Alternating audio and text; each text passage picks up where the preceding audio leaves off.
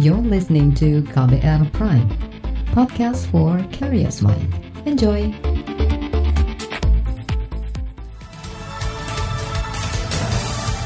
Selamat pagi saudara, kembali kami menyapa Anda dengan sejumlah informasi pilihan pagi hari ini di Buletin Pagi. Saya Eka Juli. Dan saya Don Brady, kami telah menyiapkan sejumlah informasi terkini di antaranya. Pemerintah telusuri aktivitas dua warga Depok yang terinfeksi COVID-19. Jumlah rumah sakit rujukan kasus COVID-19 akan terus ditambah. Panitia pemilihan wakil gubernur DKI Jakarta berharap tidak temui jalan buntu lagi. Inilah selengkapnya Buletin Pagi KBR.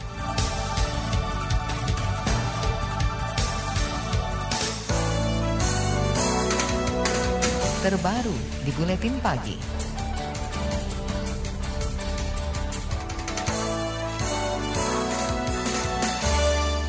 Pemerintah meminta anggota keluarga dua warga Depok yang positif terinfeksi COVID-19 atau virus corona segera memeriksakan kesehatan di Rumah Sakit Penularan Infeksi Sulianti Saroso, Jakarta Utara. Dua warga Depok yang terinfeksi itu adalah seorang ibu berusia 64 tahun dan putrinya yang berusia 31 tahun. Menteri Kesehatan Terawan Agus Putranto mengaku masih menelusuri kemungkinan penyebaran virus ini pasca dua warga Depok positif terinfeksi. Surveillance tracking namanya, ya. Mekanismenya gini, mulai dari siapa dia kontak, tempat tinggal di mana, kemudian rumah sakitnya mana, kita tracking semua, kemudian kita cek, waspadai. Bukan berarti semua harus di swab, harus ingat ya, tidak semua orang kontak itu menjadi sakit. Itu tadi Menteri Kesehatan Terawan. Sebelumnya, pemerintah mengumumkan dua warga Depok positif terinfeksi virus corona atau COVID-19 usai melakukan kontak dengan warga Jepang yang selama ini tinggal di Malaysia. Menteri Kesehatan Terawan Agus Putranto juga menjelaskan kedua warga Depok itu terdug, diduga tertular COVID-19 ketika berdansa di Klub Paloma Jakarta bersama seorang warga Jepang. Warga Jepang itu sudah kembali ke Malaysia dan menjalani perawatan medis. Saudara sementara itu Sekretaris Daerah Kota Depok Kardiono menyatakan puluhan petugas rumah sakit mitra keluarga akan kembali bekerja.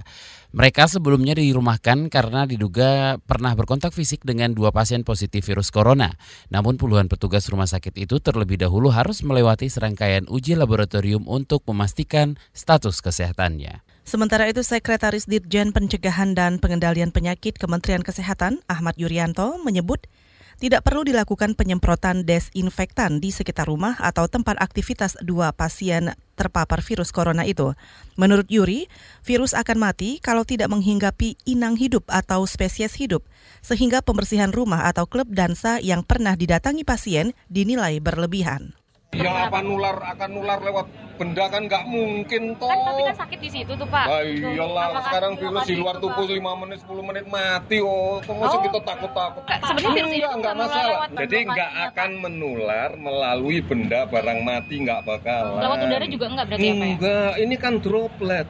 Oke. Sekarang droplet itu kan percikan. Apa iya ada orang yang batuk bersin percikannya sampai 10 kilo gitu? Enggak mungkin. Sekretaris Ditjen Pencegahan dan Pengendalian Penyakit Ahmad Yuryanto juga mengaku belum ada obat atau vaksin yang bisa diberikan kepada dua pasien positif COVID-19 itu. Keduanya saat ini diisolasi di Rumah Sakit Pusat Infeksi Sulianti Saroso, Jakarta Utara. Yuri juga menjelaskan Virus corona bersifat sembuh dengan sendirinya jika daya tahan tubuh pasiennya terjamin baik.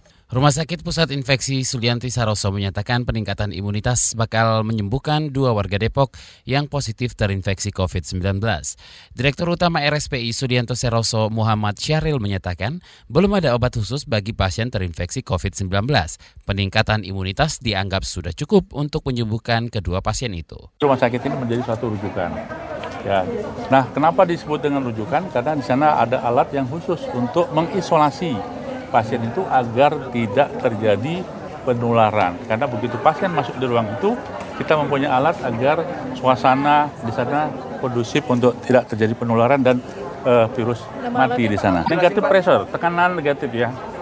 Kemudian ada lagi disebut dengan air handling unit ya. Itu pun untuk mengatur eh, udara ini ya sirkulasi. Direktur Utama RSPI Sulianti Saroso Muhammad Syahril menambahkan kedua pasien terinfeksi COVID-19 ditempatkan di ruang isolasi. Keduanya sudah membaik meski akan terus diamati seksama selama lima hari ke depan. Saudara Kementerian Kesehatan mengimbau masyarakat segera memeriksakan kesehatan apabila merasakan gejala awal terinfeksi COVID-19. Dirjen Pencegahan dan Pengendalian Penyakit Anung Sugianto menjelaskan, gejala itu misalnya demam, batuk, pilek, gangguan pernafasan, sakit tenggorokan, mudah letih dan lesu. Ia juga meminta masyarakat tidak perlu panik dan tetap menjaga kesehatan agar terhindar dari penyebaran virus corona. Kalau masih ada keluhan, silakan ke fasilitas pelayanan kesehatan yang kompeten dan ceritakan yang sesungguhnya terjadi. Jangan ditutup-tutupi. Tadi kan kamu katanya cerita itu ada yang tahu tapi tidak melaporkan ini itu. Nah itu yang nggak benar. Masyarakat harus bertanggung jawab terhadap dirinya dan atau bertanggung jawab kepada lingkungannya. Itu tadi Dirjen Pencegahan dan Pengendalian Penyakit Anung Sugiantono. Sementara itu Dirjen Pelayanan Kesehatan Kementerian Kesehatan Bambang Wibowo menjamin pemerintah siap membiayai perawatan kesehatan masyarakat mulai dari tes pembuktian terinfeksi virus COVID-19 atau tidak. Syaratnya yang bersangkutan memenuhi kriteria seperti suspek atau orang dalam pengawasan COVID-19. Saudara, pemerintah akan tambah rumah sakit rujukan untuk pasien COVID-19. Informasinya usai jeda. Tetaplah bersama kami di Buletin Pagi KBR. You're listening to KBR Pride, podcast for curious mind. Enjoy!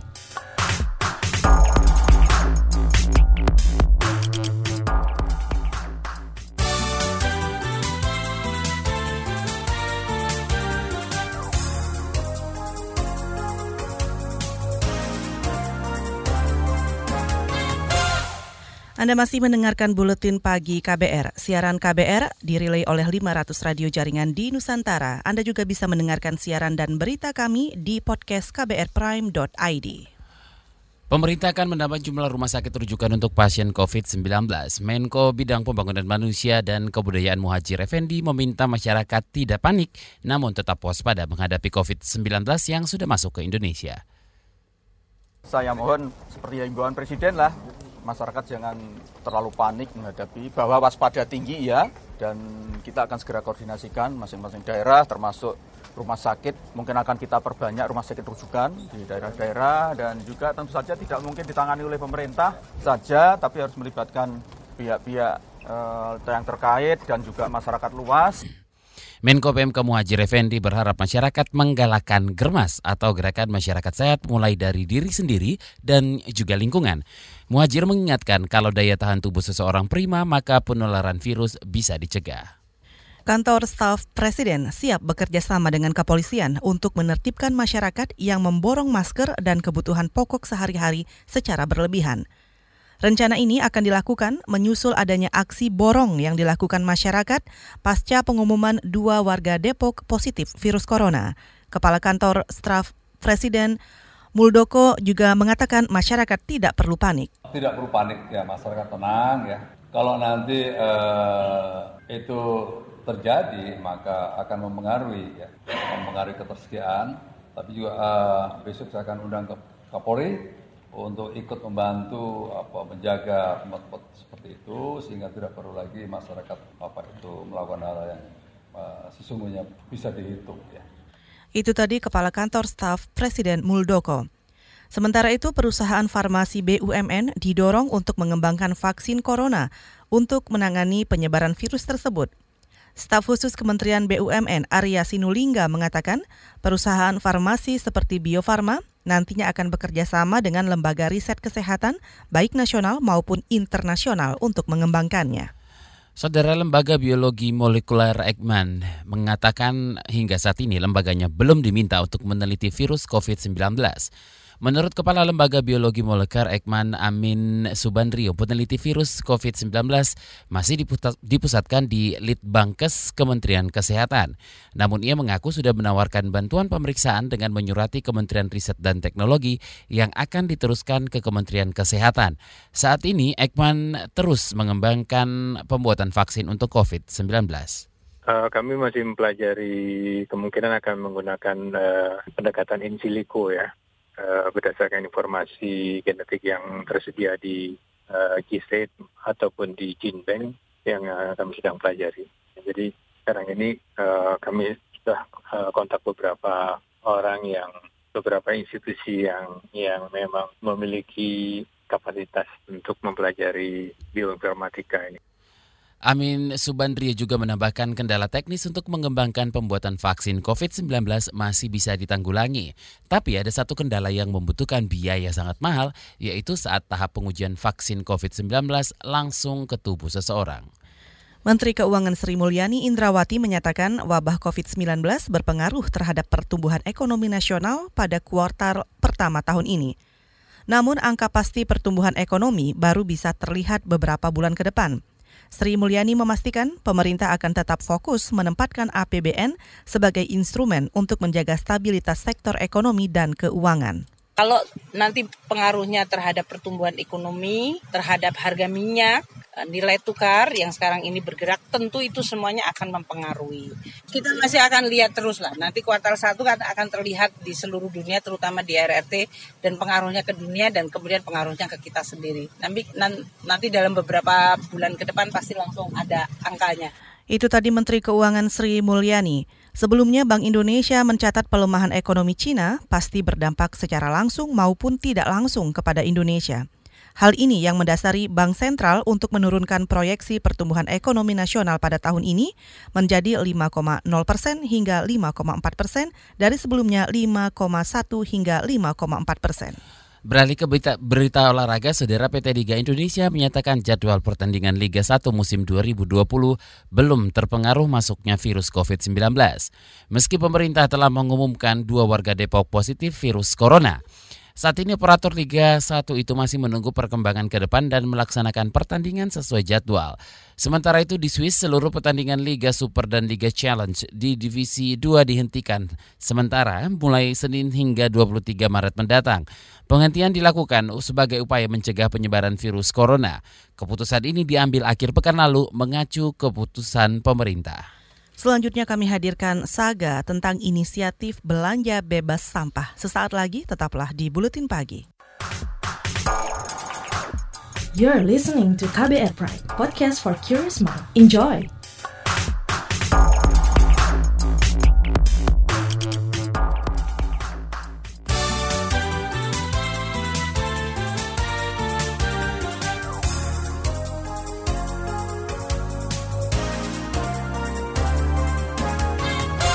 Terima kasih Anda masih mendengarkan Buletin Pagi saatnya kita simak saga.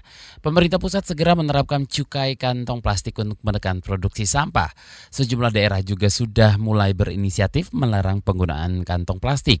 Kebijakan ramah lingkungan ini perlahan mendapat sambutan publik dan dunia usaha.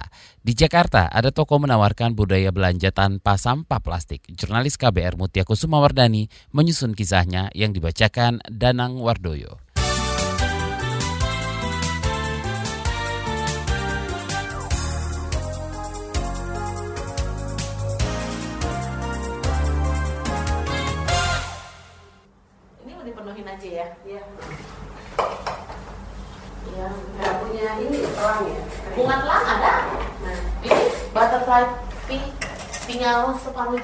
Sekilas tak ada kesan istimewa saat menyambangi toko Naked Ink di kawasan Kemang, Jakarta. Gerai seluas 5 kali 10 meter itu layaknya toko kelontong yang menjual ratusan produk keperluan sehari-hari. Mulai dari beras, minyak goreng, sabun, deterjen sampai produk yang tengah digemari seperti menstrual cup. Bedanya, aneka produk itu dijual tanpa kemasan. Ah, kenapa namanya naked? Karena memang konsepnya itu kan lebih ke apa ya tanpa kemasan. Jadi basically ya naked lah, maksudnya hmm. nggak ada bajunya. Jadi ya emang kita jualan kan memang tanpa kemasan gitu. Itulah kenapa namanya Naked Ink. Itu tadi Kiana Lee, pemilik toko Naked Ink. Kiana mendirikan tokonya pada April 2019 lalu dengan mengusung konsep bebas sampah. Tiap produk dipajang dalam stoples kaca bening, ditata dalam rak-rak berbahan kayu. Konsumen bisa membawa wadah sendiri untuk menampung produk yang dibeli. Jadi kita lebih ke konsepnya ke reuse. Jadi kalau memang kalian punya kemasan-kemasan yang di rumah sudah ada, ya nggak usah beli lagi, pakai aja dengan kemasan yang udah ada kamu sekarang dan untuk digunakan lagi gitu. Jadi misalkan nggak harus deh sampo misalkan, nggak harus tuh kamu punya botol kaca atau yang plastik free, mm. itu nggak harus. Kalau memang kamu di rumah udah punya sampo yang kamu pakai sebelumnya, datang aja ke mana bawa botol kosong. Kita bisa isi kok di sini nggak harus kayak segala sesuatu. Oh, jadi kalau nggak ada plastik kita harus pakai kaca ya? Enggak. Kiana mengklaim Naked Ink merupakan toko tanpa kemasan plastik pertama di Jakarta. Usaha ini dibangunnya bukan karena gimmick atau bagian dari strategi pemasaran. Toko Naked Ink sedikit banyak lahir dari keresahan pribadinya bingung khawatir juga ya maksudnya ngeliatin sampah tuh udah banyak banget dan kita juga nggak bisa ngapa-ngapain kan Uh, itu satu terus kedua juga personal experience sih misalkan kita nih mau ada mau masak lah atau mau nyemil Padahal kita kan mau cobain, tapi kita harus beli kayak the whole packet yang isi itu banyak banget dan akhirnya itu kebuang karena kita nggak suka. Hmm. Ya kan? Sedangkan kalau di sini ini kan bisa beli sesuai apa yang kamu butuhkan, sebanyak yang kamu butuhkan, hmm. gitu. Jadi tanpa ada oh harus minimum seberapa itu nggak ada. Kombucha, mau kombucha nggak? Kombucha itu apa sih? Fermented tea. Oh fermented. Konsep bebas sampah yang ditawarkan Naked Ink banyak menarik pelanggan, salah satunya Sita Supomo. Keberadaan gerai seperti Naked Ink mempermudah Sita menjalani gaya hidup ramah lingkungan. Karena saya tidak perlu punya kemasan ya karena kalau ada kemasan-kemasan plastik itu suka bingung mau diapain gitu. Memang sebagian besar sekarang ini sampah-sampah yang sifatnya botol-botol itu saya bisa ada ada yang bisa saya serahkan berikan untuk didaur ulang. Tapi prinsipnya kalau dari awal saya sudah bisa mengurangi sampah, kenapa mesti membuat sampah? Karena Sita yakin setiap orang bisa berkontribusi menjaga bumi tetap asri. Hal itu bisa dimulai dengan meminimalkan produksi sampah di kehidupan sehari-hari. Belajar memilah sampahnya, memilah itu artinya hanya yang terpaksa saja yang kita buang ke tempat sampah yang memang kita nggak punya channel lagi. Dan terutama sebetulnya kita mengurangi konsumsi produk-produk yang menghasilkan sampah. Kalau kita bisa bawa tas untuk bawa barang, belanjaan, kita bawa tas. Itu nggak susah kok. Kemudian kalau kita bisa mengurangi produk-produk yang menghasilkan sampah plastik terutama misalkan ceritanya sih udah lebih tergerak untuk less waste ya nah, salah satu. Gia Askara juga telah menjadi pelanggan setia Naked Ink Gia kerap mengajak putrinya ketika berbelanja sebagai bahan dari edukasi sejak dini. Kita kan nyaman banyak banget, terus sementara anak-anak kita hidupnya dunianya penuh sampah gitu sih gitu kan. Maksudnya why don't you make a better world? Kita not sekarang yang kita lakuin sekarang itu diwarisinnya nanti ke anak-anak kita kan. Sebenarnya sih kayak gitu aja sih mikirnya. Dengan adanya saya memulai mungkin orang akan ikut lah ya. Biasanya kan suka begitu gitu kan. Jadi Kiana mengakui tak mudah menjalankan usaha ini. Terlebih masyarakat belum familiar dengan gaya hidup bebas sampah. Namun bagi Kiana keuntungan bisnis bukanlah target utama, tetapi kontribusinya bagi masa depan lingkungan. Jadi waktu awal-awal saya mulai ini masih orang masih kayak apa sih apa sih kok ribet? Tantangannya lebih ke mengingatkan lah ke mereka kalau kenapa sih harus tanpa kemasan? Kenapa sih kalian harus ribet? Kenapa sih harus membawa kemasan sendiri? Kenapa sih harus nggak pakai plastik? Balik lagi saya harus menjelaskan ke mereka ya itu karena ya kalau nggak kita mulai sekarang jaga lingkungan terus mau sampai kapan? Uh, dibilang menjanjikan karena ini lebih ke hobi ya. Jadi ya kita nggak nggak terlalu kalkulasi lah. Nggak terlalu oh harus untungnya sekian margin sekian. Enggak sih.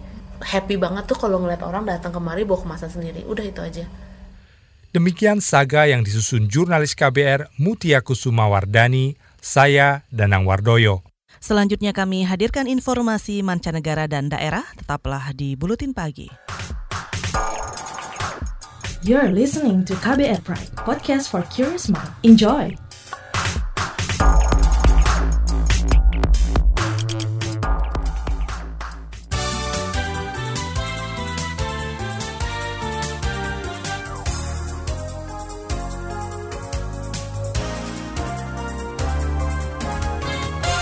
Anda mendengarkan bagian akhir Buletin Pagi KBR. Kita awali dari informasi mancanegara, Saudara Korea Selatan kemarin melaporkan 470-an kasus tambahan virus COVID-19. Saat ini jumlah total kasus di negara itu menembus angka 4.200-an. Menurut Pusat Pengendalian dan Pencegahan Penyakit Korea, jumlah total kematian juga naik menjadi 22 korban. Mayoritas kasus tambahan virus COVID-19 terdeteksi di kota Daegu yang menjadi pusat wabah di Korea Selatan, sedangkan sisanya berasal dari Provinsi Gyeongsang Utara. Sementara itu, pemerintah Bulgaria menyatakan belum mengeluarkan larangan bepergian ke Indonesia usai dua warga Depok dinyatakan positif COVID-19. Duta Besar Bulgaria untuk Indonesia, Peter Andonov, mengatakan pemerintah Bulgaria masih mengikuti perkembangan situasi di Indonesia. Ia juga berharap negaranya terus menerima informasi terkait perkembangan munculnya penyakit mematikan itu dari pemerintah Indonesia. Dari informasi daerah, Saudara Panitia Pemilihan atau Panlih Wakil Gubernur DKI Jakarta menargetkan pendamping Anies Baswedan akan terpilih dalam kurun waktu satu bulan sejak surat keputusan turun. Ketua Panlih Wakil Gubernur DKI Jakarta Faranzi Fildiansyah menjelaskan, susunan Panili sudah terbentuk hanya tinggal menunggu SK dari Ketua DPRD DKI Prasetyo Edi Marsudi. Faranzi Farazandi tidak bisa memastikan kapan SK itu akan turun. Sebetulnya kalau ngomong molor ini kita udah progres panjang ini, ini udah progres akhir nih sebetulnya. Tuh, ini titik yang sebetulnya kan sebelumnya belum pernah tercapai kan, terakhir kan baru sampai pansus, sekarang sudah sampai panli. Dan itu ada SK-nya nanti sekitar 30 hari. Jadi kita juga nggak punya alasan, ya sebetulnya alasan molor lagi. Jadi kita harus memaksimalkan waktu yang ada berdasarkan SK tersebut. Ketua Panitia Pemilihan Wakil Gubernur DKI Farazandi Fidiansyah menambahkan rancangan tahap awal pemilihan wakil gubernur akan segera dibuat. Proses pemilihannya nanti mengacu pada tata tertib, tata tertib yang disahkan 19 Februari lalu. Farazandi memastikan proses pemilihan berlangsung terbuka dan independen. Universitas Gajah Mada Yogyakarta atau UGM membatalkan kedatangan sejumlah tamu warga negara asing, termasuk semua kegiatan akademik ke luar negeri. Sekretaris Rektor UGM Yogyakarta, Gugup Kismono menjelaskan, pembatalan dilakukan untuk mengantisipasi wabah virus corona. Sudah banyak jadwal eh, acara yang sesungguhnya sudah kita jadwalkan beberapa bulan ke depan ini, ya, yang melibatkan tamu-tamu dari luar negeri, baik itu mahasiswa maupun dosen asing. Uh, oleh karena itu kita mempertimbangkan sangat serius, uh, terutama adalah risiko kesehatan. Uh, untuk itu kita sedang mempertimbangkan untuk mengcancelnya. Sekretaris Rektor UGM Yogyakarta Gugup Kismono mencontohkan salah satu kegiatan yang terpaksa ditangguhkan pelaksanaannya adalah summer course atau program pertukaran mahasiswa selama musim panas. Rencananya program ini dilaksanakan Juni dan diikuti banyak mahasiswa dari ASEAN, Jepang, Australia, dan Cina. Saudara berita dari mancanegara dan daerah tadi mengakhiri buletin pagi KBR hari ini. Simak terus informasi terbaru melalui kabar baru kbr.id dan Twitter kami di akun berita KBR dan podcast di kbrprime.id. Saya Don Brady. Dan saya Eka Juli, kami undur diri. Salam.